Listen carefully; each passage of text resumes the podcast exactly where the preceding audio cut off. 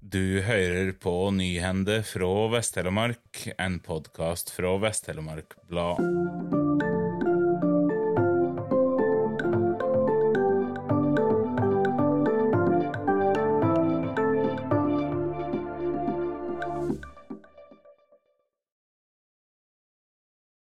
Administrasjonen i Tokke kommune tilrår formannskapet å øke driftsstønaden til MS Henrik Ibsen til 150 000 kroner i året.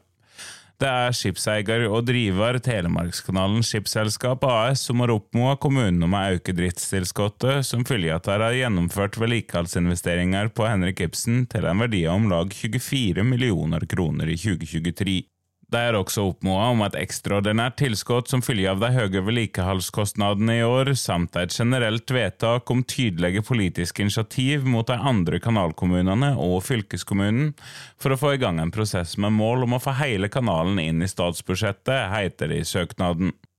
Telemarkskanalen er hovedsatsingsområdet for reiselivet i Tokke sommerstid, og kommunen har siden 2013 løyvd 100 000 kroner til hver av kanalbåtene, MS Henrik Ibsen og MS Victoria, hvert år. Dette beløpet har ikke endret seg i løpet av de siste ti åra. I saksframlegget til formannskapet er saksansammer Åse Ingebjørg Flateland tydelig på hvor viktig kanalen er for kommunen. For å kompensere for høye driftskostnader og synliggjøre at drift av båtene er viktige for reiselivssatsinga i Tokke, tilrår kommunedirektøren å øke tilskuddet til 150 000 kroner i året for hver av båtene. Kommunedirektøren tilrår ikke å løyve noe ekstraordinær støtte, da prosjektet alt er gjennomført. Når det kommer til det generelle politiske vedtaket, er det ikke gitt noen tilråding, da en mener dette må komme fra politisk hold. Et samla formannskap i Seljord vedtok torsdag å stø Katrine Kinn og Gunnleik Mæland sitt prosjekt knyttet elektronisk overvåkningsutstyr i samband med et forskningsprosjekt for storfe og sau på beite med 70 000 kroner. I tilrådinga fra rådmannen sto det at kommunen burde stå opp om søknaden med hele summen 90 000 kroner, som det ble søkt om fra gårdbrukerne på Nigar Rørtveit i Fladdal. Flere av medlemmene i formannskapet peker på at de frykter presedens, og at det vil i framtida kunne komme mange lignende søknader med forventning om at kommunen skulle stå opp om hele summen søkeren yngste. Politikerne mener derfor at det var rett å redusere summen noe. Alle de folkevalgte var positive til at unge bønder satser i landbruket. Vedtaket er grunngitt med et beiteprosjekt vil føre til viktig kunnskap for beitenæringa i Seljord. Beiteprosjektet gjelder dessuten verdifull kulturlandskap i Fladdal og UKL Svartdal og Hjartdal. Tilskuddet blir tatt fra disposisjonsfondet siden årets landbruksmidler alt er fordelt. Guro Lien og Morten Elgåen i Rauland Hereford fikk medhold av plan- og miljøutvalget og slipper å betale tilbake tilskuddet på 300 000 kroner som de fikk av kommunen i 2018. Lien og Elgåen starta opp Rauland Hereford i 2018, og i samband med det bygde de om driftsbygget på gården. Prosjektet, som hadde en totalramme på halvannen million kroner, var delvis finansiert med et investeringstilskudd på 600 000 kroner fra Innovasjons Norge og 300 000 kroner fra Vinje kommune, medan en del var lånefinansiert. I samband med oppstarten samarbeidet de med Norsk landbruksrådgivning om en femårig driftsplan. På inntektssida lå de framme om denne driftsplanen, men grunnet den enorme kostnadsøkningen de siste åra har ført til at de ikke lenger kan forsvare alt arbeidet som kreves for å holde drifta ved like.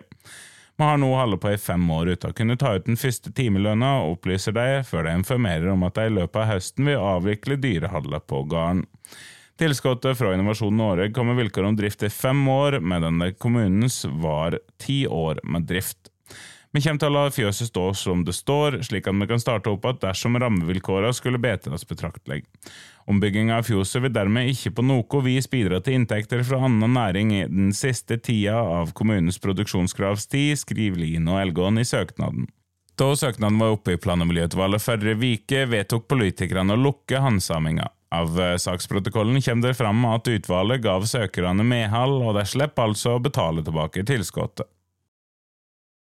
Mesterhytta Byggpartner AS og Saltdalshytta Byggpartner AS etablerer kontor i Treungen.